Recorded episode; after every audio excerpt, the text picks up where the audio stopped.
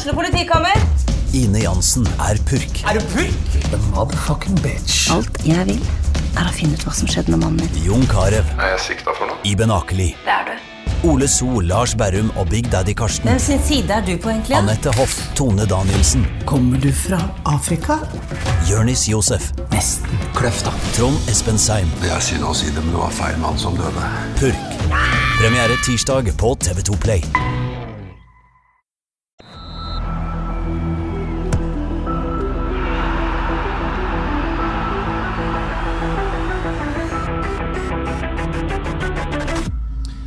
Hei og velkommen til denne bonusepisoden av Frelst. Mitt navn er Terje Flatteby, og dagens episode skal ha utgangspunkt i den debatten som har rast på Haugland eh, etter misnøye fra breddeklubbene mot FK-akademiet. Dette kom jo fram i en sak i Haugesunds Avis. Det førte til flere saker, det førte til mange debatter, sosiale medier ikke minst. FK-akademiet versus breddeklubbene, spillerutvikling. Hva skjer i breddeklubbene, og hva skal til for å bli en toppspiller, var noen av poengene. Et klokt hode her i sportsreaksjonen eh, tenkte at Christian Grindheim hadde vært en eh, bra mann å snakke med i denne sammenheng, og det er nettopp det vi skal gjøre i dag. Eh, Velkommen, Christian. Jo, takk. Du, først av alt, har du det bra? Ja, jeg har det flott. Ja. Det er snart vinterferie. Det har- ikke sant? Det har jeg ikke hatt på Jeg kan ikke huske sist jeg hadde vinterferie. Ja. Du forsvant ut av FK i november-ish og, og dro til Haugar. Ja, Haugar og HTG. Haugar og HTG. Ja. Hva gjør du, hva gjør du der? Som Gymnas. Nei, det er jo- blir jo fotball, da. det går i fotball. Det går i fotball. Ja. Trives. Ja, jeg trives, men det er jo nytt, så det er jo mye å sette seg inn i. Ja. Så det blir jo Det blir jo lange dager, men eh, det blir nok bedre etter hvert så jeg kommer litt mer inn i det. Mindre helgejobbing, eller? Ja, men det er jo alltid noe som skjer, noen kupper og noe sånt. Så det, men vi har hatt noen helger fri. Vi har fått brukt hytta iallfall, så jeg er setter jo pris på det. Du slår meg som en fyr som er kjempeflink å legge ting fra deg og bare slappe av. Ja, ja, jeg lar det ligge, jeg. Jeg er dessverre dårlig på det, men uh, kanskje jeg blir bedre med alderen. Men du er fotballærer på TG? Ja, jeg har uh, toppidrett, heter det da. Ja, toppidrett. Og så er du utviklingsleder i Haugar, har jeg stilling der òg. Ja, Ja, stemmer. godt å være hjemme igjen på et vis. Ja, det er deilig egentlig å se det litt fra breddeklubbens side med Hauga òg. Ja. Jeg syns egentlig det var litt interessant, fordi de spurte om å få snakke med meg før egentlig jeg hadde sagt ja eller nei videre i FK. Så var jeg der på et møte, og så tenkte jeg at av og til så er det greit å sitte på den andre sida av bordet og kikke litt hvordan det jobbes der. Og det skal vi få høre om, nemlig. For det sier seg kanskje sjøl, sier seg kanskje selv, men det er flere grunner til at vi ønsker å snakke med deg. Du har jo på en måte erfaring fra FK-akademiet. Du var på en måte litt på toppen av pyramiden med, med rekruttlaget, men, men uh, jobba jo i, i avdelinga. Du har eh, selvfølgelig eh, tidenes beste fotballspiller fra Haugesund. Vi er enige om det, Kristian? Ja, men det kan diskuteres. Jeg tror ikke det kan diskuteres. Eh, og har den erfaringen som toppspiller, hva skal det til? Eh, du er nå i breddeklubb, som du sa, har det perspektivet. Også, om ikke det var nok, og dette tenkte ikke jeg på når vi ringte deg, men du har en sønn i FK-akademiet òg. Ja, jeg har en fot på alle sider av bordet, for å si det sånn. Så det Føler du deg litt strekt i alle, alle retninger her, eller? Ja, men pass på hva jeg sier i dag. Nei, det skal du ikke. Du skal si alt hva du mener i dag. Ja, det er sant. Men du, eh, nesten litt vanskelig å, å- hvor vi skal begynne, men jeg tror vi starter litt, liksom, litt kronologisk. fordi at eh, dette misnøyen med, med, fra breddeklubbene mot FK-akademiet ble jo en offentlig sak når, når vi skrev en sak om det tidlig i februar. Vi skrev da om den stigende misnøyen i breddeklubbene, og det som fikk det til å renne over, var den planlagte ansettelsen av en såkalt scout-koordinator, som, som FK senere trakk da. Eh, Men det var jo flere ting. Det er manglende kontroll over spillerne i breddeklubbene. Det er lang reisetid fra distriktet var noen misfornøyd med. Eh, At man svekka tilbudet til de som ble igjen. Det, det er mange ting her, eh, Kristian, og vi skal ta tak i en del av det. Men hva syns du om debatten, da, for å spørre om det først? Nei, det engasjerer. Så dere traff eh, greit der med, med å røske litt opp i det. Så altså, det viktigste er jo at det engasjerer folk, og at folk bryr seg. For ellers så hadde det jo ikke blitt noe debatt. Eh, og det tror jeg er ganske sunt for lokalfotballen, at det faktisk blir en debatt om det. Jeg tror du det kommer noe bra ut av dette? Ja, jeg håper jo det, at de setter seg ned, eh, både FKH og breddeklubbene, og diskuterer for, la oss si, åpen mikk. da, At eh, de får høre alle synspunktene. For jeg tror eh, det er en veldig sammensatt debatt. og det, Jeg tror det er vanskelig å være på toppen nå og så gi mye av seg sjøl. Og så tror jeg det er vanskelig å sitte nede i breddeklubbene og tenke at Vi vil jo FKH best, men vi er kanskje ikke villige til å slippe alle de beste. Så jeg, jeg syns det, det, er vanskelig. Eh, jeg tror det er vanskelig for FK, jeg tror det er vanskelig for breddeklubbene. Og jeg tror den løsningen er vel dialog. Ikke sant? Hvis vi tar det litt punkt for punkt. Litt interessant, du var jo i FK, og du var jo i dette systemet inntil, inntil november. Uh, var dette på en måte det som har kommet fram nå, var det en, en, kritikk dere var kjent med, dere som satt på stadion? Visste dere om at det ulma? Ja, visste at det ulma prøvde jo å slukke så mye som vi klarte, men uh, altså, du visste at det var noen klubber som var litt misfornøyd. Ja. Uh, det, sånt vil det vel alltid være, men i det store aspektet som det har blitt, var ikke jeg helt klar over det. Men ja, det er kanskje ikke jeg som satte meg nok inn i det heller, da. Ja, Så, det, så misnøyen er, sånn som du oppfatter det nå, er større enn, enn du trodde når du satt på stadion? da? Ja, jeg eh, trodde ikke det var så voldsomt. Nei. Så var det jo på en måte litt eskalering selvfølgelig før jul. Det var et møte der, og denne mailen om denne eh, scout-koordinatoren kom. Det var vel kanskje det som satte virkelig fyr på ting. Så det skjedde jo omtrent når du slutta. Men, men hvordan opplevde du at FKH og folk i FK forholdt seg til misnøyen? Jeg vet ikke, jeg tror ikke de heller trodde det var så stor misnøye. Nå kan ikke jeg snakke for alle, da, men det var jo Altså Det vil alltid være når du henter så og så mange spillere, for du vet jo aldri hvor mange gode spillere det er i ett lag. Og Plutselig så tenker du at ja, men her er det fire-fem som kan bli gode, og da vil du gjerne ha fire-fem istedenfor én. Uh, for jeg syns det er vanskelig, for jeg var jo på uttakstreninger sjøl når de er elleve år, og så skille Altså Hvis du skal ha ti stykk, så jeg syns det er ekstremt vanskelig å skille hvem av de som blir toppspillere når de er så unge. Jeg eh, det er noen som du tenker ja, de er gode nå, men er de gode om fire år? Det er vanskelig å si. Og jeg følte liksom at vi var der, og så tenkte jeg ja, vi skal iallfall gjøre en god trening. At de lærer noe, at de har det gøy, og så får det gå så det går. Men Da går man jo rett inn i det på et vis. Men er det noe poeng å gjøre dette, da? Når, er, når det er så vanskelig? Det er vel, Poenget er vel å få de tidligst mulig, for det gjør de i Europa. Men om ja. det er rett måte å gjøre det i en egentlig ganske liten plass i Haugesund, det er jeg usikker på. Ja, rett og slett. Uh, skal komme tilbake til det, men, men uh, denne, denne, kritikken Jeg føler at FKH får, får litt sånn tyn for måten man kommuniserer på, og er, man er litt arrogant om kritikken. Har vært det, i hvert fall. Skal jeg ikke si, for Det virker som det kanskje har skjedd et taktskifte nå, men opplevde du det òg, at man ikke tok det på alvor? Ja, vanskelig å si. Jeg, eh, som sagt, jeg tror ikke vi når jeg jobba der, at vi tenkte at det var så mye misnøye. Så det tydeligvis har vært. altså At ulma litt, ja, men at eh, det eksploderte sånn som det gjorde. Det, tror jeg, det var iallfall ikke jeg helt 100 klar over. Jeg visste det var litt eh, sånn gnisninger. Men uh, jeg tror jo at hvis FKH blir desidert best på kommunikasjon, så løser mye seg. Ja, Tror du mye av nøkkelen rett og slett ligger der? Ja, jeg tror det. fordi jeg tror at f.eks. nå har de jo begynt, når jeg kan snakke for deg der som min sønn er, ja at de legger ut en halvtårsplan. Så de, og så oppretter de ei gruppe for alle trenerne som har spillere der. Og det er lettere for de foreldretrenerne å legge opp sitt løp etter FKH, sånn at de får de beste på trening. Ja, for tilpasset. For, for, det er jo en sånn kritikk at, at, er, at FKH ikke viser hensyn til tiltakene eh, i, i, i laget de hører hjemme, sant? I, I, klubben. Ja, det var jo det som var et stort issue, iallfall i fjor, da, at en trening skal gå foran en kamp. Nå har de jo snudd litt på det at hvis det er en kamp der det er flere akademispillere som spiller mot hverandre, så er det kanskje bedre at de spiller den kampen enn at de går på trening, for da får de iallfall kamptrening mot noen som er veldig god. Ja, for det er jo en sånn kritikk som kommer fra liksom at eh, f.eks. at uh, spillere blir nekta å dra på Norway Cup for de må et eller annet tiltak. De blir nekta å spille en viktig kamp som kan være avgjørende for KM uh, fordi de må på IFK-trening. Fordi at samarbeidsavtalen sier at FK skal sittes foran alt. Er det, er det, litt mer smidighet her? Kan det bidra til å, å løse mye?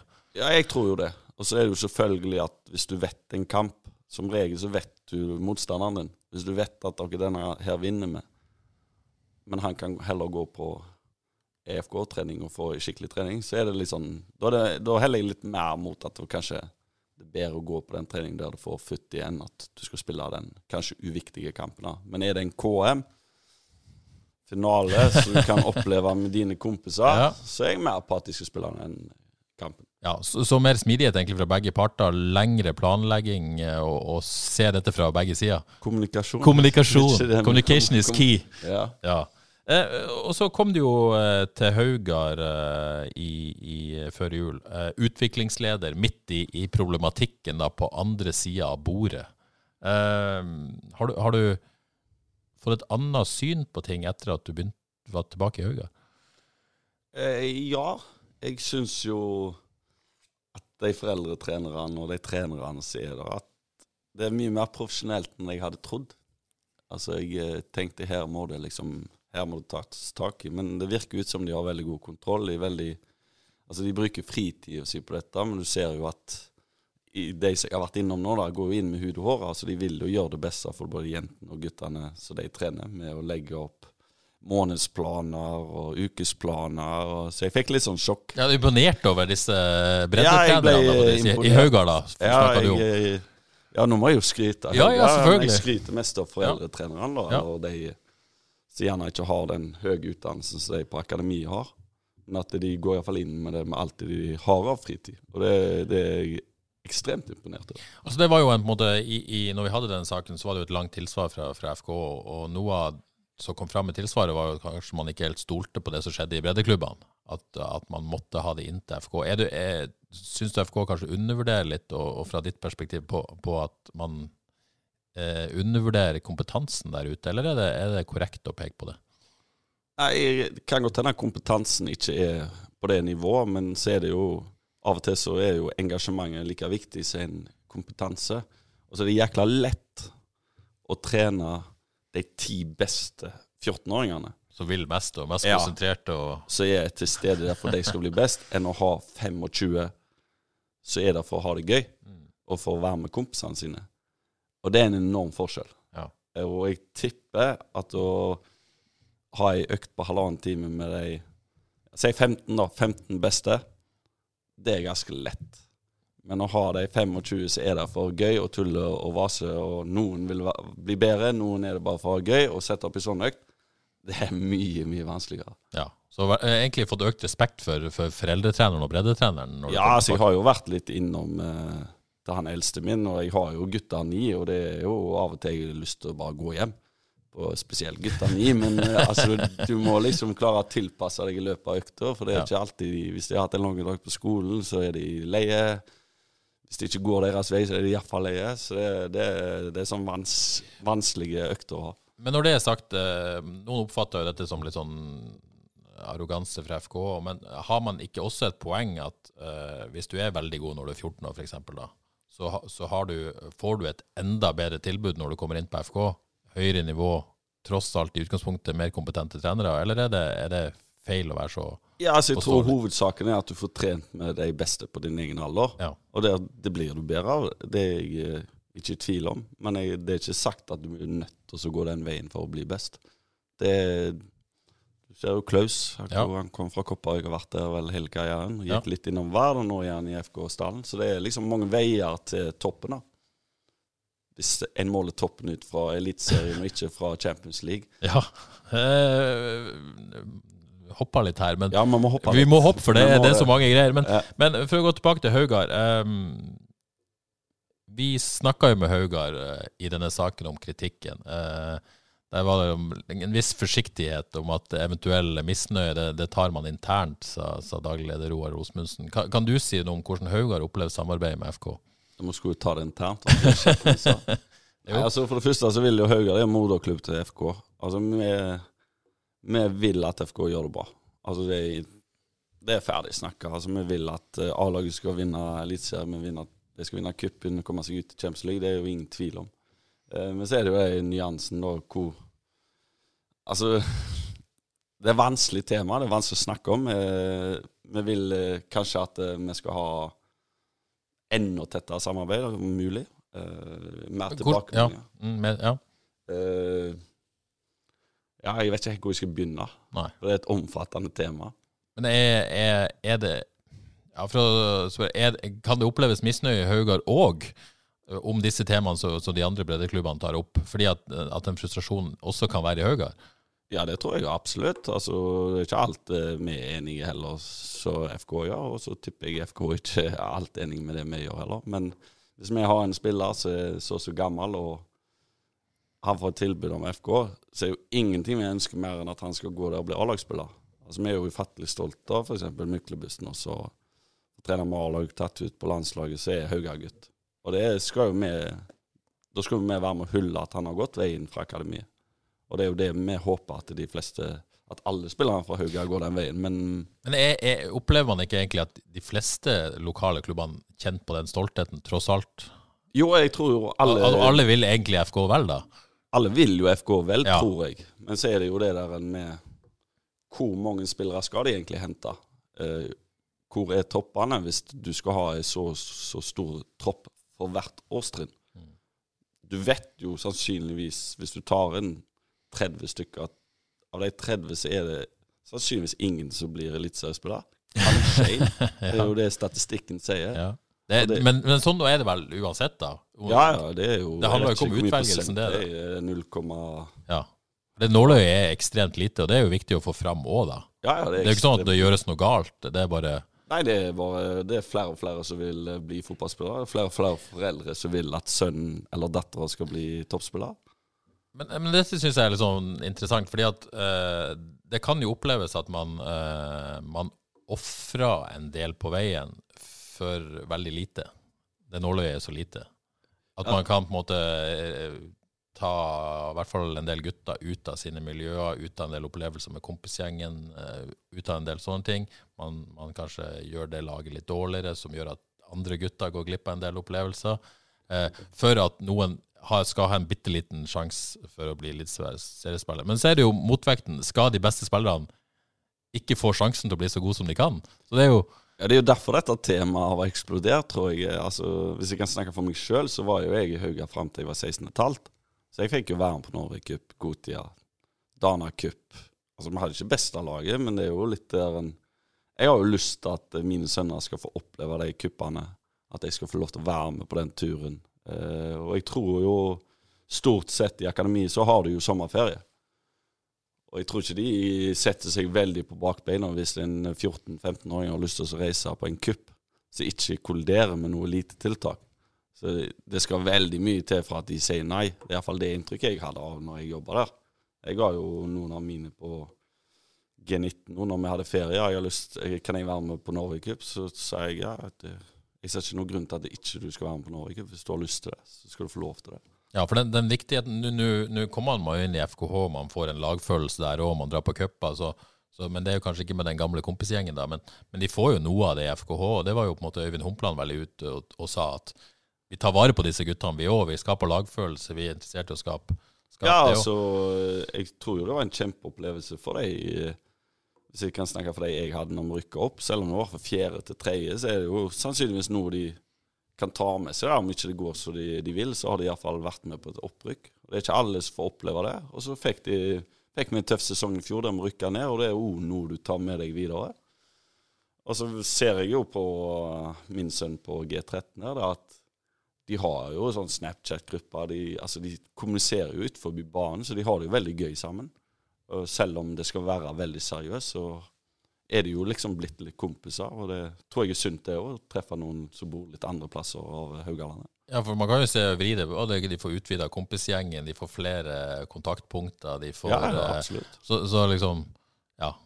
Og så har jo vi hatt ei foreldregruppe som har vært veldig sånn Vært på kampene og stått sammen og liksom Snakker ikke om prestasjon, men selvfølgelig vi vil jo at de skal vinne. men uh, Iallfall jeg, da, men jeg kan ikke si det høyt. Men uh, det er liksom det er ingen som ikke ønsker at den og den skal være bedre enn den og den. Det er mer enn sånn at ønsker at laget skal gjøre det OK.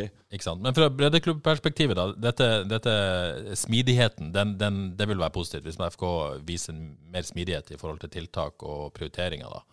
Uh, Ja, og så, så kan man ikke slippe det helt løs, for da Det er jo et dilemma for FK. Ja, det er jo det som er dilemmaet, det òg. Hvis alle skal få lov å bare si ja, nei, så så blir det jo raserer jo hele systemet. Ja, da blir det jo Da er det jo nesten bedre at de bare er i breddeklubbene og møter hverandre da, i kamp. Ja.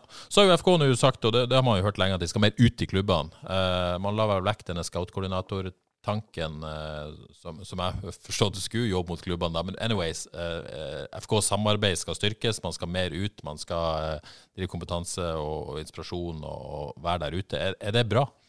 Det er fantastisk. eh, Det at de skal være ute med trenere fra U10 til U12, det tror jeg, eh, det tror jeg ikke noen har noe negativt å si om. Eh, For Ja, men det er ikke skummelt at FK kommer og skal trene tiårslaget ditt? Ja, men de har jo vært tydelige på at de skal jo ikke Det er ikke for spillerne sin del. Eller til sjuende og sist er det jo det, men det er jo mer for at treneren skal få mer, en mer bank da, i hvor Ja.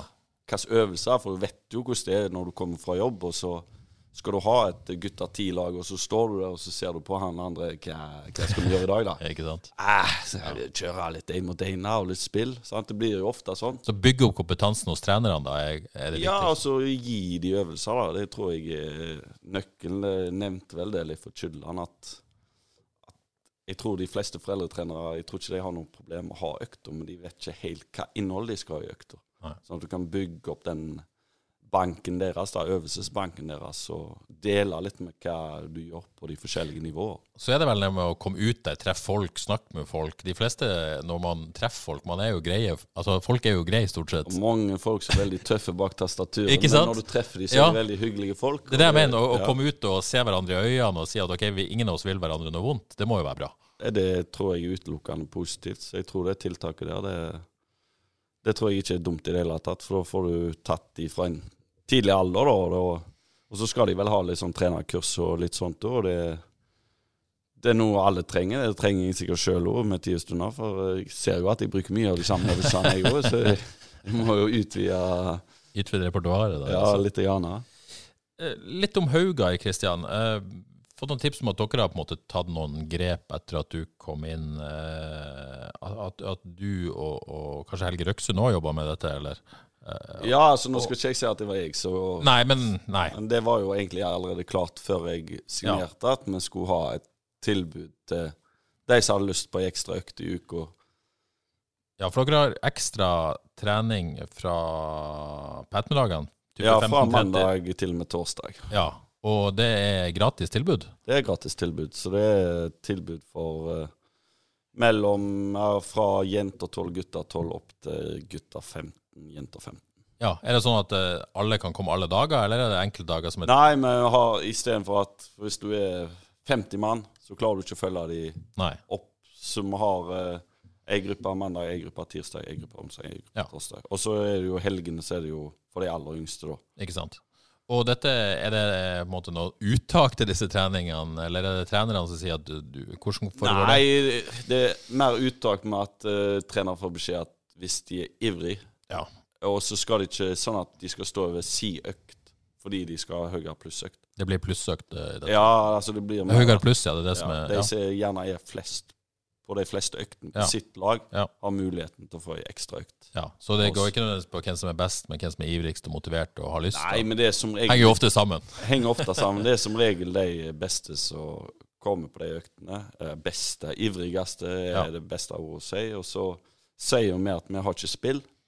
Vi har possession-spill, men det er mer basisferdigheter, eh, type Ja, økter. teknikk og, og ja. possession, liksom. For å, ja. Har vi keepere, så kan det være av og til at vi spiller litt. Men keeperne har jo fått inn hun Sunne, ja. så de har jo ei, ei ekstra økt, de jo. Mm. Da har jo alle keeperne fra 12 til 15. Ja. Men det er jo, det er jo Andre har jo ekstratilbud, men har, tar betalt for det. Hvordan, eh, det er en bra tilbud, da. Ja, jeg syns jo det er veldig bra at det er gratis. Ja. Eh, Det Jeg vet ikke hva som står om, om i avisene, men det er mye økonomi. Ja, det gjør det. Eh, Og det, og tror hvis du skal ta betalt for det, så er det ofte de foreldrene med størst kapital som gjerne kan sende sin sønn eller sin datter der. Eh, Og så har jo Haugar en ganske sunn økonomi. Det henger vel litt sammen med at vi har et A-lag som er i femtedivisjon, at det ikke koster så all verden. Så, så er jo de veldig opptatt av mest mulig, lengst mulig. Ja. Og det er jo liksom slagordet, og da, da må vi tilrettelegge for at det skal være sånn. Uh, akademidebatten, da. Er, er det som Haugar gjør, da, er, er det virkemidler som gjør at uh, man kan tenke at det at man skal inn i FKH-løypa som 11-12-åring, at, at, at det kan skyves på? At man kan hold, Gjør dere dette for å kunne holde de lenger i, i klubben, eller er tiltak for andre ting, dette? Jeg tror rett og slett det er bare et tiltak som ble satt opp på styremøtet. Og så er det litt for å gi altså, gi trenerne litt frihet. da, at uh, F.eks. hvis vi har de ivrigste, så kan de ta mer fokus på de som er der litt for å ha det gøy. For det er ofte at når vi har økter, så har de andre òg Treneren har økter med de andre. Så det blir litt sånn for få godt over alle, da, på en måte. Mm. Hvis, kan, hvis, det var godt nok forklart. Ja. Alle, altså det viktigste for en ung spiller uansett er jo å bli sett. De vil jo bli sett. Ja. At de, de, er på trening. At Ja. de er der for Enten om de er der for å ha det gøy eller for å bli bedre, så vil de bli sett. Mm. Og så var jo Jostein Grinhaug meldt seg litt på denne debatten. Eh, sa vel at, eh, at han hadde et inntrykk av at breddeklubbene da noen ganger ble blenda av det å være opptatt av å skape gode spillere slash gode lag sjøl, og, og i, i søken etter det da ikke tok godt vare på de eh, nest beste. Eh, og da er du inne på det som du nettopp snakka om, flest mulig, lengst mulig. Eh, At, at det å at, bredden bør ha det som hovedoppgave, og ikke det å, å nødvendigvis skape veldig gode fotballspillere. Det bør FK ta seg av. Han sa ikke det, men man kan jo legge det litt i jorda. Jeg lese mellom linjene. litt mellom linjene. Hva, er det en kritikk du kan kjenne deg igjen i, både fra Haugar og, og ditt, din kjennskap til, til bredden her på Haugaland? Jeg har ikke kjen, kjempekunnskap om bredden, men jeg føler at det jobbes veldig godt i bredden. Eh, men jeg kan ikke si det, for jeg har kun vært i Haugar. Jeg har vært litt rundt de andre klubbene, men veldig lite. Så føler jeg ikke Jostein kan si det heller, for han har vel kun hatt et lite verv i Åkra. Kanskje det er Åkra han peker på? Ja, ja, men jeg tror ikke han har vært rundt i alle breddeklubbene sitt hvordan de jobber sånn sammen. Så jeg synes kanskje Altså Nå hadde debatten roa seg ned litt. Jeg syns den var på å fyre det opp litt. Og så er det jo én som har ansvar for at akademiet skal gå eh, bra. Det er han som tar ut eh, laget til A-laget. Hvis de skulle si at akademi akademiet er en suksess, så er det han som er nødt til å bruke de yngste spillerne òg. Eh, til sjuende og sist. så, så enkelt er det jo bare. Hvis han bruker fem unggutter i løpet av en sesong, så er akademiet en suksess. Hvis han ikke bruker fem unggutter på fem år, så er det ikke en suksess. Og det syns jeg det er en vanskelig balansegang, det òg. For på A-laget så er det jo resultat som teller. Og det skal det jo være òg. Da er vi på toppnivå, og da skal resultat telle. Og det er ikke bare, bare for han nå, og så tenker jeg skal jeg hive inn en unggutt nå? Fordi at da ser det bra ut. Men så har du jo noen som har sittet på benken ganske mange kamper, så kanskje ord fortjener en spilletid. Så han har kanskje den vanskeligste jobben av alle. Men at breddeklubbene ikke tar vare på de nest tre beste, ivrigste Jeg kan ikke nok om det. Nei, dette. men Har du god samvittighet på vegne av Haugar på dette? Ja, jeg Sånn som du kjenner Haugar? Altså, eh, etter å ha vært med de trenerne i Haugar og vært, så syns jeg Haugar gjør en kjempejobb. Eller foreldrene gjør en kjempejobb. Og jeg har et inntrykk av at eh, de gjør det rundt i de andre breddeklubbene òg. Men så er det jo vanskelig også hvis du har hatt et godt lag i flere år, og du, du har klart å skape en eh, treningskultur, du har skapt et godt samhold, og så blir det gjerne fire-fem av de beste tatt Det er ikke så ofte FK henter 4-5 fra samme lag, Nei, men jo sies, hvis- men hvis ja. Hvis du sier tre, da. Ja. Tre-fire. Som foreldretrener, nå har du bygd opp et lag, og så blir de tre-fire beste tatt, så er jo det Det er jo vanskelig. ja. Altså ekstremt vanskelig. For det der er jo et poeng som også har kommet opp i debatten, at, at, eh, at motivasjon hos trenere slash foreldretrenere da, eh, synker når de beste spillerne forsvinner. Eh, og når laget ikke blir like bra, selvfølgelig. Du, du mister mye av det du har bygd opp over tid. Er, det, er det et poeng, det, da? Ja, det tror jeg absolutt. Ja, men Skal det bety noe? For FK gjør annerledes jobb fordi at foreldrene den treneren da mista det laget sitt? Eller? Nei, det er det jeg sier. Det er det som er så vanskelig. Ja, altså, det, altså, hadde jeg vært uh, Så hadde jeg ikke hadde spilt på toppnivå, hatt et lag og bygd det opp fra de var fem år til de er 14, og skapt kanskje et lag som kan kjempe om KM og alt sånt, og så Ja. plutselig så mister jeg tre-fire av de beste. Og sannsynligvis tro på at du kan skape toppspillere sjøl. Ja, kanskje. Det Ja. er, jo, det er jo noen eh, Jeg vet at i akademiet har de større kompetanse, de har mer utdanning, men eh, det er vel ikke dermed sagt at de foreldretrenerne Hadde de fått samme mulighet som de sier i akademiet, så kanskje de hadde blitt enda bedre trenere. Det er det jo ingen som vet. Men, men skal ikke spilleren sittes først her, da? Jo, det skal han jo. Ja. Altså, det er jo alltid spilleren som kommer i fokus, og det, sånn skal det jo være òg. Men eh, jeg forstår jo frustrasjonen på en foreldretrener. Jeg, forstår, jeg hadde jo mista litt motivasjon, jeg òg. Ja. Hvis eh, laget mitt bare hadde blitt ah, ja. Men er det ikke dette som gjør debatten så vanskelig? Man kan forstå begge sider. Jo, da. det jeg sier jo. Det er ikke det derfor du har sittet av tre timer til Ja. Og, og, podkasten. og min opplevelse, ikke at jeg hadde noen sjøl som har vært i nærheten av FK-akademiet, men min opplevelse er at kompisene til den som går til akademiet, de syns det er dritkult. De snakker om det. Hvem skal dit, hvem skal der? Han får sjansen, heia han, liksom. De, Altså, det- de er jo bare glad på kompisen en- kompisene dine vegne. Ja, det blir jo en snakkes. Det er jo litt eh, det som var kretslag før, da, eller sonelag, at du ble jo tatt ut til hver. Men da var det jo en gang i måneden. Nå er det jo liksom hver uke. Ja. To ganger i uka. Men jeg opplever ikke at de som sitter igjen, sier ah, nå dro han, nå blir vi dårligere. Det var skikkelig teit, liksom. Nei, men Det er derfor jeg tror at det er viktig at du legger opp en plan der at Ja. de kan være med kompisene i tillegg til For hvis de bare stikker og kun med der, så blir de jo fort glemt av kompisene, holdt jeg på å si. Og så er det jo de som akkurat ikke kommer med, da. Ja, Det er jo en ny debatt. ikke sant? De som akkurat Rett ikke kommer med der. når de er 12-13 år. Altså, tror du han, han sier jo 'jeg er glad på dine vegne', men innerst inne så tenker han sikkert 'jeg er bedre'. Ja. Den er det er jo en ny debatt igjen. Og der blir man testa på mentalitet med en gang. Klarer du da å bli skuffet Blir du skuffet da og bare senker deg ned og gir opp den drømmen? Ja, det- eller, eller, er det de som faktisk tar tak i seg sjøl, at nå skal jeg overbevise at jeg skal inn på FK-akademiet? Ja, Det er jo sannsynligvis de som blir aller best. Ikke sant? De som gjerne ikke kommer med. De som gir opp da, de vil ikke bli gode uansett. Nei, da blir de mer en sånn Skal være med kompisene. Ja, ja, ja. Og det er, Men hvor skal du printe det inn til en tolvåring? nei, det er jo helt umulig. Det er jo umulig. Det må de finne ut av sjøl. Men det er jo der breddeklubbene har kanskje en viktig jobb òg, at de, de vet at den kanskje en kunne vært med, men han er ikke med, og da må vi hjelpe å bygge Og fortsette å han opp. ta vare på han Ja. og bygge han opp og se om dette blir så god som han, som han vil. Eh, og så syns jeg noe som er interessant, det er jo eh, Jeg føler jo at alt som skjer i fotball-Europa, og kjøp og salg og alt sånn, har, har faktisk en påvirkning helt ned på grasrotnivå. Fordi at hvis du ser FKH nå, så tar de opp eh, Mikkel Hoppe og Troy Engseth Nyhjemmet sånn 16, og det er litt sånn nytt i FK-sammenheng, vil jeg si. Det har jo på en måte vært det, men, men sjelden to Mm. 16-åringer. Eh, og det handler jo selvfølgelig at de er gode nok, men det handler jo også om at de, de må være veldig gode veldig tidlig for å på en måte være Altså bli salgsobjekter òg, da. Eh, Ja. Tidlig. For det, det holder ikke å komme inn eh, eh, Veldig kult at Klaus har klart det, men det er klart når han kommer inn når han er 23, så er det noe annet enn å komme inn når du er 16, i forhold til det å, eh, at han skal selges for 50 millioner.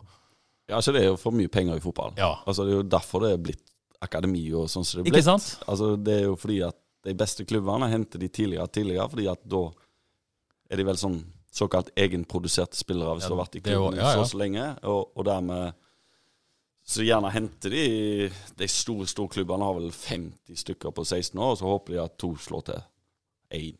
Og det, det er jo det som er farlig, jo. Altså, og det er derfor FK må liksom signere de yngre og yngre, fordi at hvis de er på en landslagssamling og ikke har kontrakt, så kommer det en klubb. Han kunne vi tenkt oss, vi henter han. Dere sitter ikke igjen med noen ting. Men det er vel nesten ingen på landslag som er ikke i akademi allerede. Det skjer vel nesten ikke. Nei, det, det var vel én i fjor, tror jeg, men ikke fra FK-akademiet, men jeg spilte i en breddeklubb. Ja. Uh, Iallfall som jeg så. Ikke sant? For hva er det for en klubb? spurte jeg noen, for jeg fikk, vi så jo den ene kampen.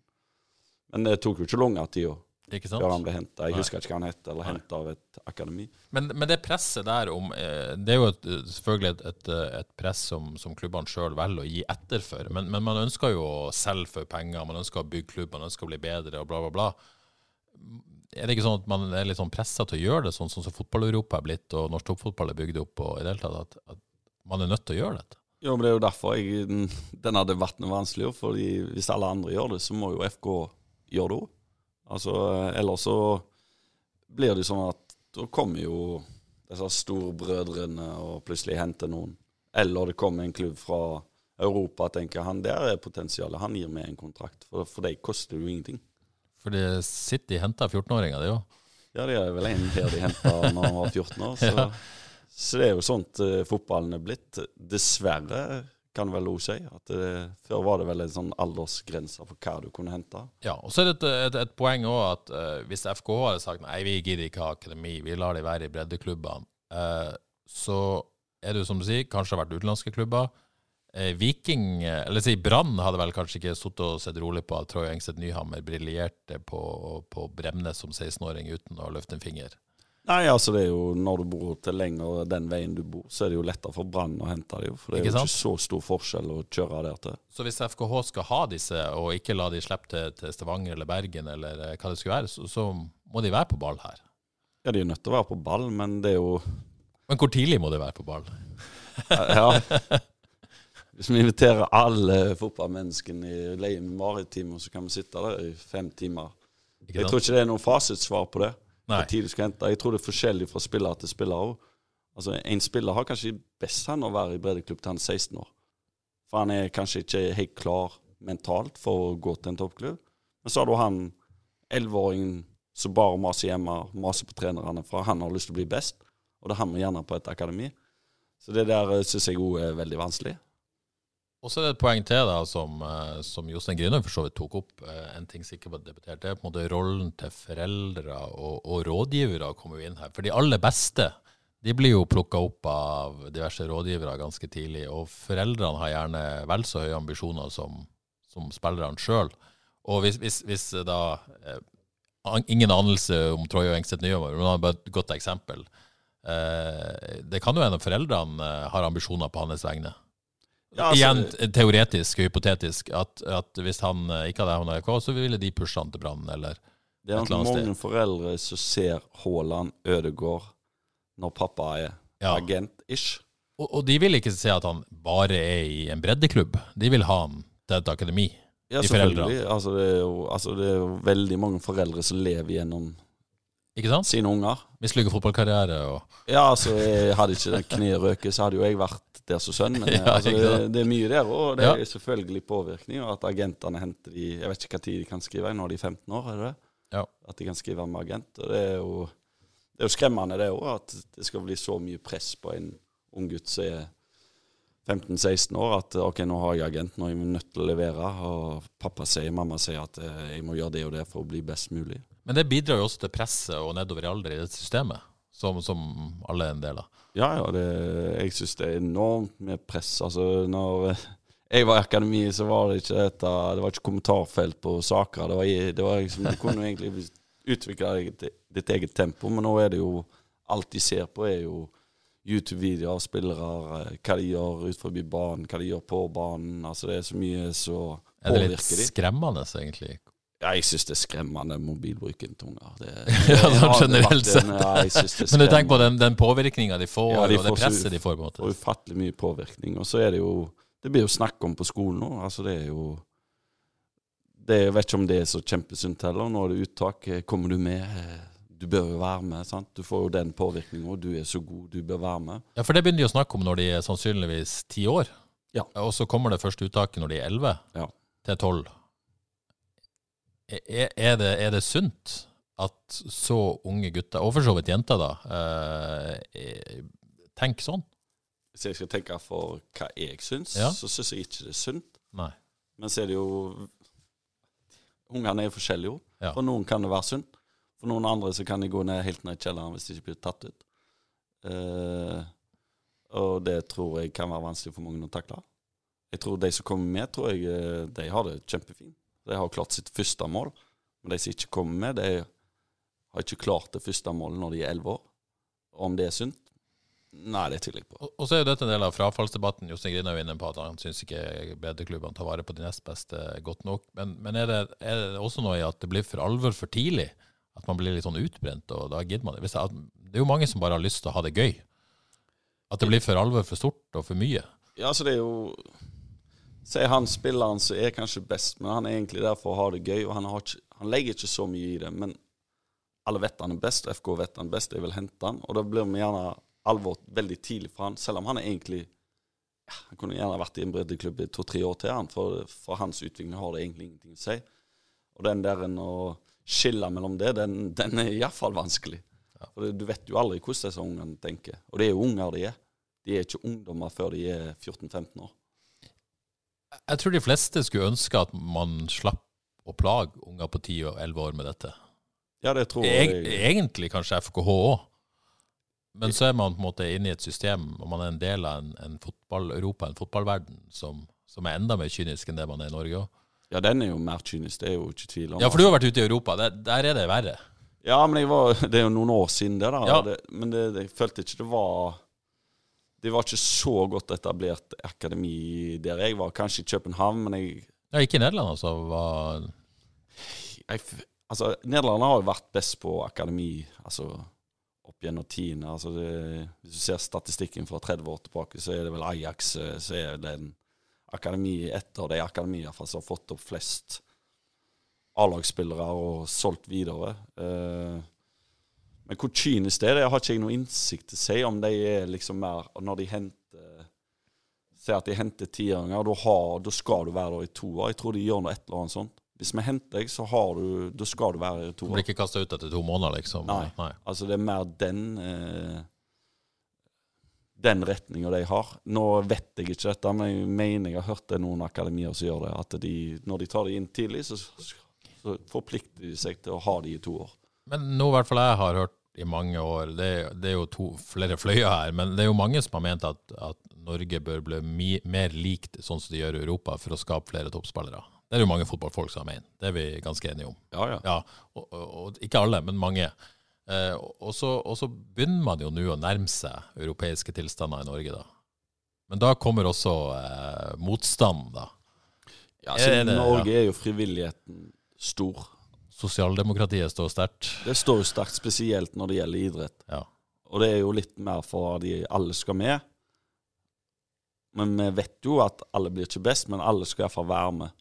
Og det, det er jo det som sikkert har skapt denne debatten nå, for det er jo det er jo noen flere som faller av når de ser at de beste og ja, de er der og der. Så er det nok flere som faller av enn de gjorde før i tida. Og så tror jeg jo egentlig det er ganske mange fotballfolk, også på Hauglandet som, som er helt enig i det FKH gjør. Foreløpig er det vel bare Lotfi Lazare som har tort å si det på høyt. Eh, og han kommer fra på en måte en annen bakgrunn, en annen kultur. Det Ja, er ja. kanskje ikke tilfeldig at han, han mener det, men jeg tipper det er ganske mange som egentlig syns det er greit. Ja, At sånn er jo- må det være. Det er jo nytt. Altså det er jo re relativt nytt i Norge med akademi så langt ned i alder. Eh, og jeg tipper, hvis du ser på de største klubber nå, så har sikkert de fått litt motstand er jo når de begynte tidlig. Eh, men jeg tror, som vi har vært innom før, kommunikasjon er det viktigste. ja. At en kommuniserer med breddeklubber. Eh, Kristian, du, du klarte det jo. Ja. Og det er jo, det er jo dette alle drømmer om, alle som begynner i FK Akademi, enten i 11, 12, 13, 14, å få til det du klarte. Eh, eh, hvorfor klarte du det?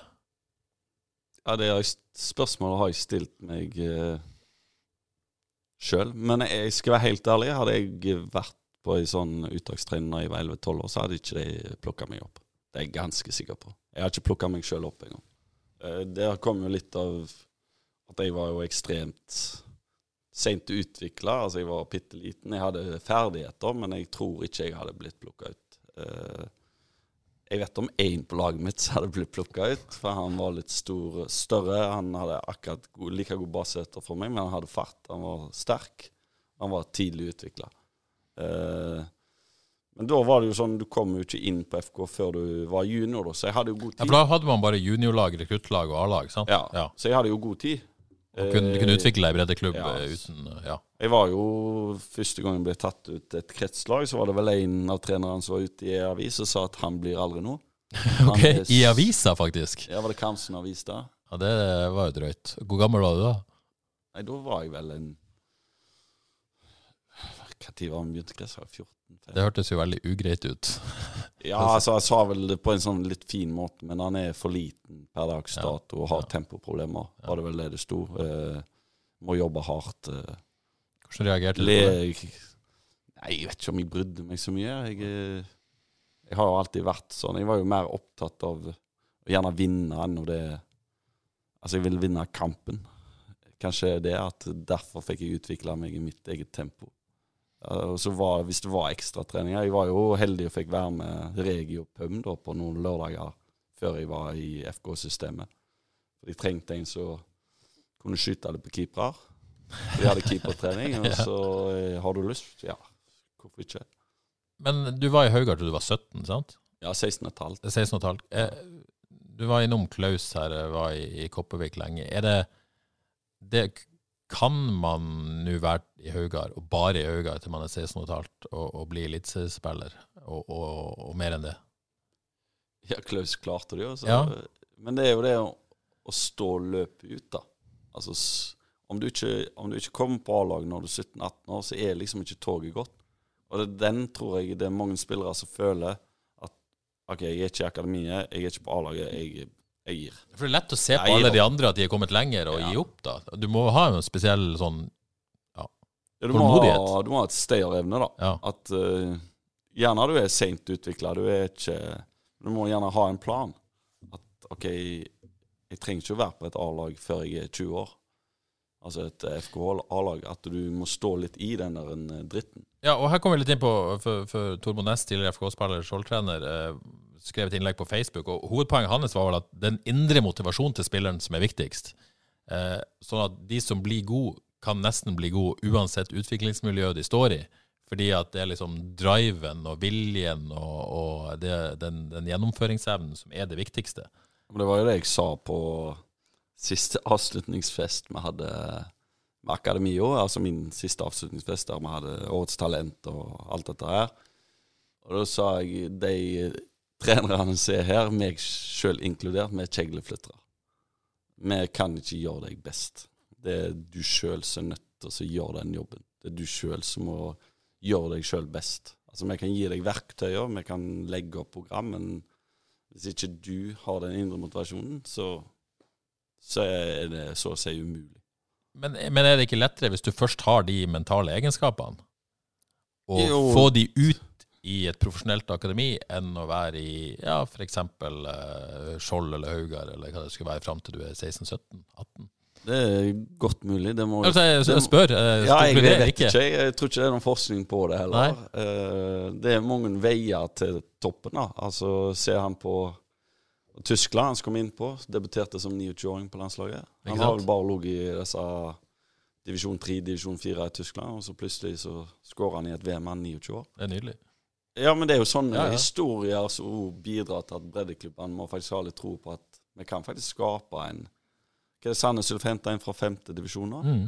Altså, det er den stayerevnen, tror jeg. At du Du kan gjerne Noen spillere trenger det å bare ha det gøy, fram til de faktisk innser at ja, men jeg har potensial til å bli god.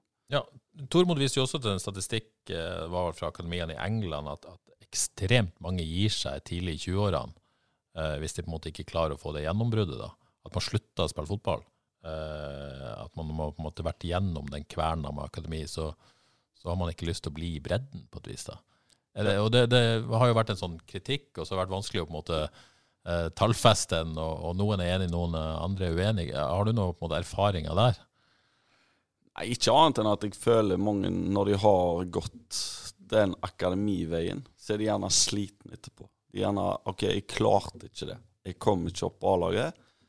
Jeg ofra alt. Jeg Det er jo de fleste, da, tross alt. Ja, altså Ja. de har jo ofra ekstremt mye. Altså de trener to ganger til dagen. Altså de går på HTG for de har lyst til å bli best mulig. De Ofrer mye sosialt. ofrer mye sosialt for du skal vekk i helgene. Og så er det gjerne mange som rett etter de er ferdige, så tenker de at kan nå, nå må jeg ut og ta noen studier. Jeg gir opp fotballen litt. Men så er det jo mange som kommer par år etterpå da tilbake, tror jeg.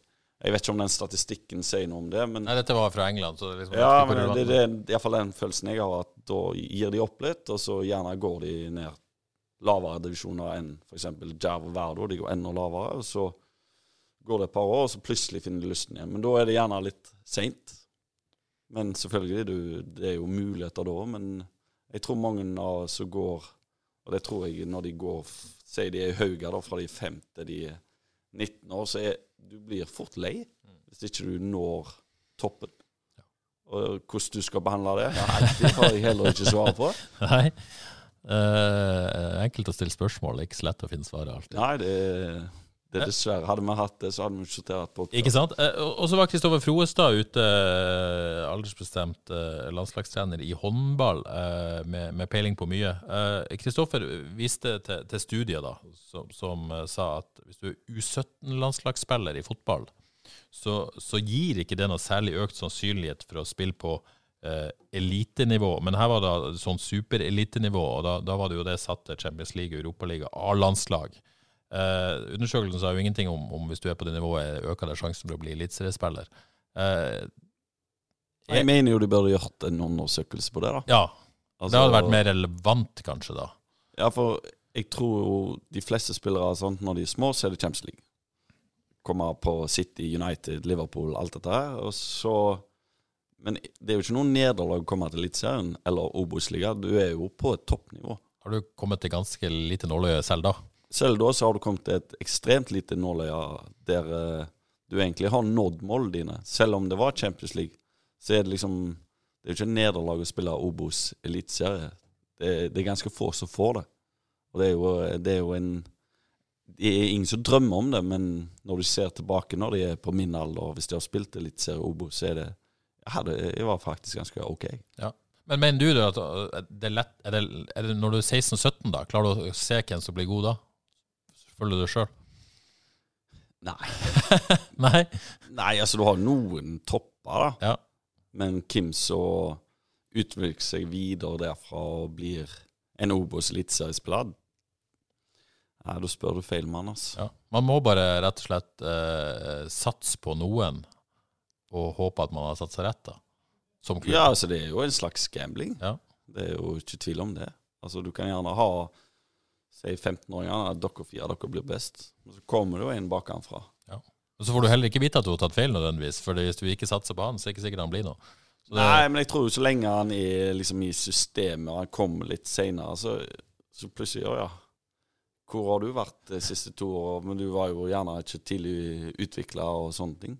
Så jeg, jeg har ikke noe svar til deg på det heller. nei, nei, nei, nei. Jeg, jeg, jeg tror det er vanskelig, men selvfølgelig, hvis du er på et U17-lag, så er du jo god for alderen, da.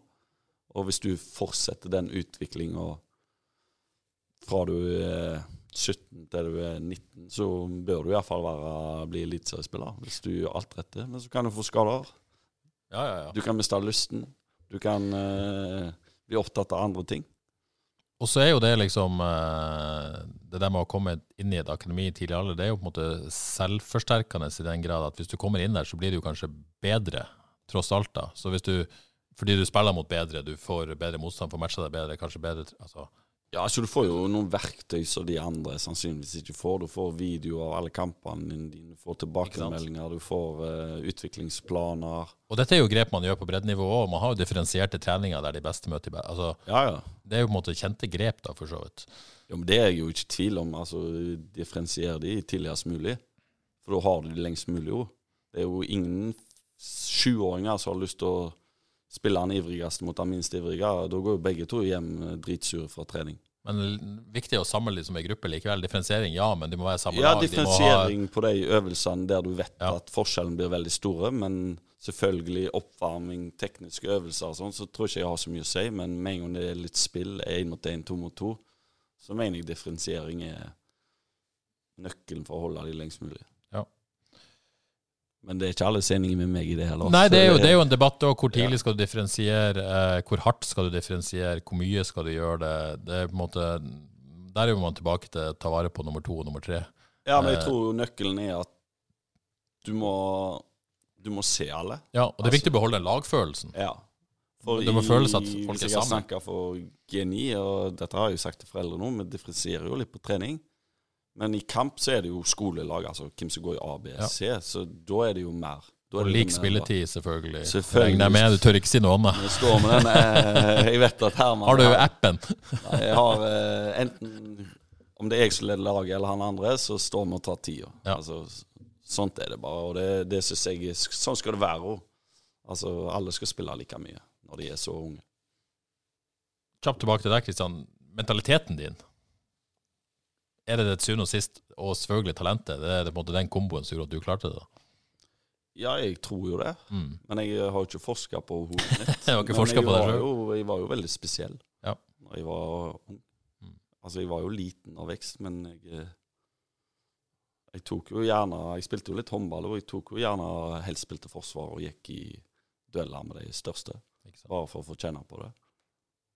Og så har du en sønn nå som er i FK-akademiet. Ja. Jeg må jo bare spørre, er han lik det? Eh, det, Som fotballspiller, altså? Nei, det er han jo ikke. Han er, han er mer eh, teknisk enn jeg var. Han, eh, jeg var nok mer et sånn en liten sånn drittsekk på banen. Du var ganske partiet. teknisk. Ja, men jeg var jo, jeg var jo mer eh, Han spiller jo litt sånn tiår eh, sentral midt, eh, men Som alle eh, ja, ja, alle, alle skal bli Ødegaard. Nei, ikke han minste. Han spiller forsvar. Han spiller forsvar, Han spiller forsvar. Nei, jeg, jeg har ikke lyst til å sammenligne han. Nei, nei, da, det, var, det var ikke det som var poenget. Men, men poenget er at du har en sønn som, som er i akademiet. Hvordan preger det deg og de tankene du har om det som foregår? Er det klar, du, er jo, du er jo i høyeste grad subjektiv her.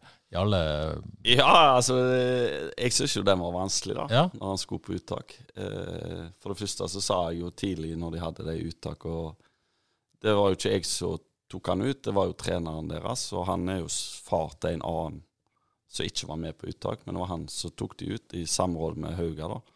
For da fikk du egentlig bare lov til å melde på to. Så jeg sa jeg legger meg ikke opp i det, og så når jeg fikk høre at han skulle være med på uttak, så sa jeg til uh, de andre Jeg kan ikke være med på uttakstreninger. Jeg kan ikke være med på de møtene dere har om U12. Du bare trakk deg helt ut av det, liksom. Ja, altså Hvis de begynte å snakke om U12, så sa jeg da det er signalet mitt. Nå går jeg. Mm. Det for dere å styre. Uh, for jeg hadde jo Jeg vet jo at han får god oppfølging, så jeg selvfølgelig vil jeg at han skal være med. Men det blir feil Ja, for du har lyst til at han skal være der, som, som forelder? Ja, på grunn av at han sjøl vil være der. Ja. Altså, han lever ånde for dette her. eh, Og da vet jeg at han får god oppfølging. Han får trent med de beste. Ja, for du syns det er bra for han? Ja, jeg syns det er bra for alle, men nå, hvis vi skal tilbake på den debatten, så syns jeg jo, når jeg har vært rundt laget, så syns jeg jo synd på de som akkurat ikke kommer på det uttaket. Ja. Påvirker det de, sånn som du altså, Sannsynligvis ja, eh, men så er det jo vår jobb da, som er rundt det laget litt, og så backe de opp og gi dem best mulig. Men jeg syns jo det er, det er vanskelig å sitte hjemme og vente på en mail, om du er med eller ikke, Ja. i et uttak. Og når du har en som maser, en spiller som maser, sønnen min Vet du noe, pappa? Jeg har trukket meg ut, jeg vet ingenting. Du får bare vente. Og så begynner kjerringa å si jeg vet om han kommer med, for hun vet at det betyr mye for gutten. ja, ja, ja. Og når han ikke får sove på to-tre dager, så da blir jeg mer sånn Skal det presset være på en så Han er jo i desember, og han er elleve år. Skal det presset være på han? Er det, er det for tidlig? Som far så mener jeg ja. Som en som jobber i akademiet, så mener jeg kanskje det Jo tidligere lærer seg det presset, jo kanskje bedre blir de.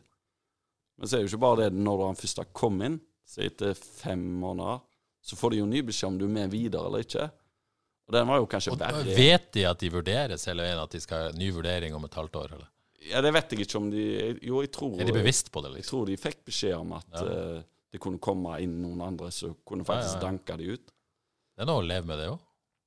Ja, som elleveåringer? Ja, ja. Ja, jeg, eh, altså det var ikke kjempegod stemning hjemme, og det var jo mye spørsmål vet du noe. Nei, jeg, jeg har trukket meg ut. Jeg er ikke med på de møtene. Ja, men du kan jo fiske litt, så sier jeg. Ja, men det blir feil at jeg skal ligge og fiske.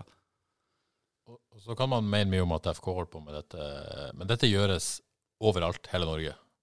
Ja, etter så jeg har forstått, så gjør du Ja, i toppklubbene. Ja, i toppklubbene. Ja. Ja. Og Det, til. det er ikke uproblematisk.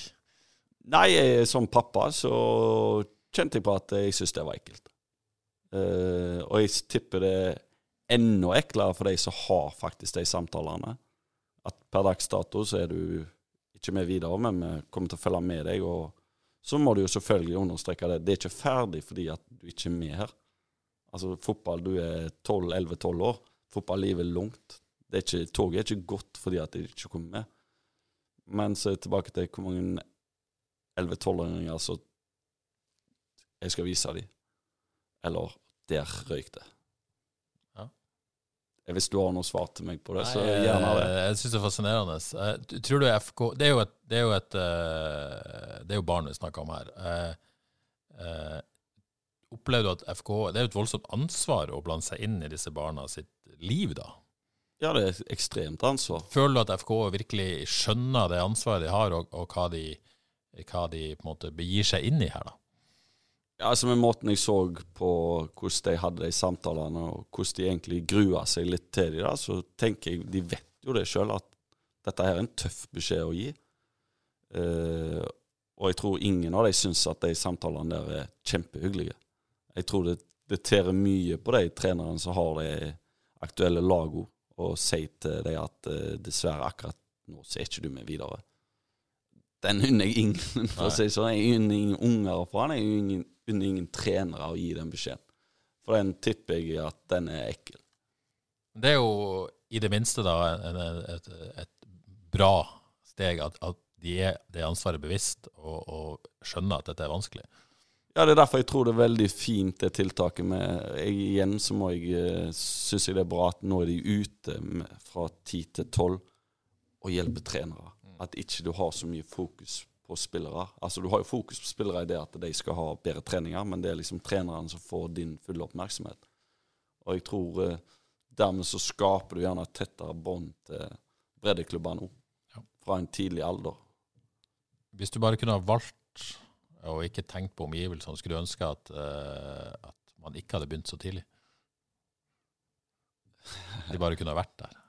Både ja og nei. Ja. Eh, hadde ikke FK begynt tidlig, så hadde det vært sånn sonelag, kretslag. For det tror jeg begynte når vi var 11-12 år. Det, ja, det begynner uansett. Det begynner uansett. Altså, om ikke FKH gir press, eller vi foreldre gir press, så får de press fra internett. Ja, og så er det jo sånn at uh, de er ganske tidlig når de begynner å snakke om sjøl hvem som er best på laget. Det snakker de om når de begynner på fotball. Det er det jeg mener. De, er så bevisst på det sjøl òg. At uh, vi, vi, voksne skal jo ikke gjøre det verre og legge mer press på dem, men, men de, de, alle vet det. Ja, så La oss si sånn i en uh, breddeklubb da skal spille en kamp når de er 10-11 år, og du møter det andre laget så du vet, for de vet jo hvilket lag som er god. Altså, de er ikke dumme. Og så står det 3-3. Og så kommer appen opp. Så sier han de tre skal ut, dere tre skal inn. Jeg kan garantere deg at det er mange av de tre som tenker ja, men vi har jo lyst til å vinne den kampen. Det er jo større sannsynligvis for at han er innpå, enn at jeg er innpå. Og dette vet unger sjøl, det er jeg 100% overbevist om. Men så er det jo det at, og det skal det jo være, og da får de en god læring. For plutselig så vinner du 4-3, så er det han der en som tenker at han, det er bedre sjanse for å vinne at han spiller enn at jeg spiller. Og jeg tror jo det er, det er viktig å la alle spille mye, og like mye fram til de er en viss alder. Og så til en viss alder så tror jeg de blir enda mer bevisste på det. Ja, men bare la han spille. For det er jo mange som sier det. Nei, jeg har det vondt i kneet. Den der er vondt i kneet. Jeg har det vondt i hælen. De har ikke lyst til å komme inn og De har ikke lyst til å komme inn, fordi at allerede der begynner jo presset. Det er litt sårt når det blir sånn òg. Ja, det er jo den det er brutal sport. Vi lever jo i en verden der uh, de som nesten har størst makt, det er jo influensere og sånne ting. Altså De får jo så mye informasjon fra det internettet og eh, Snapchat og TikTok og jeg vet ikke hva det er. Det høres ut som en ny podkast. Ja, det er en ny podkast, og der, der, må du ha en professor i dette her til å svare på. Men de får enormt mye press fra en tidlig alder. Og, og jeg er glad jeg slapp det. Jeg tror vi gir oss der, Kristian, uh, før vi begynner på den nye podkasten om sosiale ja, ja, medier og mobilbruk. Men uh, jeg syns dette har vært veldig interessant å snakke med deg om dette. Det er mange problemstillinger, og så er det ikke uh, og jeg har ikke svar på noen nei, av dem. Men er ikke det litt fint at man bare kan ha debatten, da? Og snakke jo, jeg, om, om de tror, utfordringene som er? Jeg tror denne debatten hadde kommet før eller siden, og jeg tror, som vi har sagt før, at jo bedre vi kommuniserer, jo lettere blir det for alle å bli passe fornøyd. Alle blir ikke helt fornøyd uansett. Men at eh, vi kan gjøre det levelig og gjøre et tettere samarbeid mellom Og jeg tror hvis det er et tettere samarbeid mellom samarbeidsklubber og FKH, så kommer det flere folk på stadion. Det er jeg overbevist om. Og heller ikke glemme at det er i hvert fall de yngste det er unger, også ungdom, som er ja, sårbare. Og ta vare på dem. Sårbar. Ta vare på dem. Ta vare på dem. Ta vare på dem. Skal vi avslutte med det, eller? Ja, har vi noe mer? Nei, vi har ikke noe mer. Nei, nei. Eller det har vi sikkert, men jeg tror vi gir oss der. Jeg tror vi gir oss. Men vi blir nok aldri ferdig med denne debatten. Men uh, jeg har jo sittet og lest litt, jeg òg. Jeg, jeg syns jo istedenfor å diskutere i forum og krangle, så møt face to face. De fleste rundt der er veldig hyggelige folk og har sine meninger, men det er lov til å ha forskjellige meninger. Det er lov å ha forskjellige meninger, sier Kristian Grine. Visdomsord er slutt. Tusen takk for at du kom, Kristian. Jo. Eh, håper dere eh, der ute syns dette var like kjekt som jeg syns det var å diskutere dette. Og så er vi tilbake med en eh, normal episode av eh, Frelst på mandag. Men du, du må komme her og snakke fotball òg snart, sånn skikkelig. Har du tro på FK i år? Jeg syns det ser veldig spennende ut. Ja. år. Så I år har de mye større stall enn på samme tid i fjor, og da får du bedre treninger. Og det tror jeg kommer til å hjelpe dem. Og så har de et spennende lag på gang. Så det, jeg tror det blir kjekt å følge det i år. Og noen unge talenter. Og noen unge talenter. Så er opp til Jostein å gi de spilletid, er det ikke? Ja, ikke sant? En liten utfordring til Jostein rett til slutt. Liten utfordring. Strålende, Kristian. Tusen takk for at du kom. Ha det bra.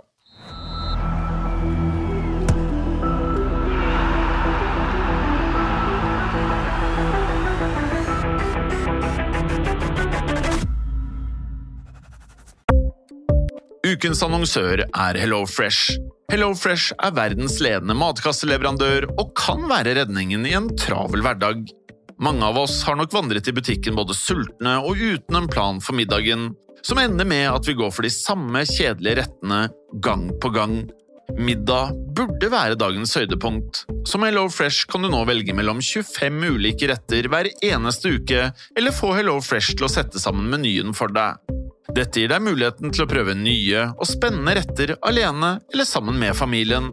Du velger antall porsjoner og får alt levert på døren på et tidspunkt som passer for deg. Oppskriftene er enkle, og maten er lett å lage både for store og for små. Ved å få alt levert hjem får du også mer tid til å dele matgleden med familie og venner. Kanskje det frister med asiatiske tacos eller greskinspirert kylling? Da kan jeg anbefale deg om å gå inn på hellofresh.no. Her kan du bruke koden FOTBALL og få opptil 1779 kroner i rabatt på de første fem matkastene hvis du ikke har prøvd Hello Fresh tidligere. Du kan også bruke rabatten hvis du har vært kunde og stoppet abonnementet ditt for tolv måneder siden eller lengre. Gå inn på hellofresh.no og bruk koden FOTBALL. Har du et enkeltpersonforetak eller en liten bedrift? Da er du sikkert lei av å høre meg snakke om hvor enkelt det er med kvitteringer og bilag i fiken, så vi eh, gir oss her, vi. Fordi vi liker enkelt. Fiken superenkelt regnskap.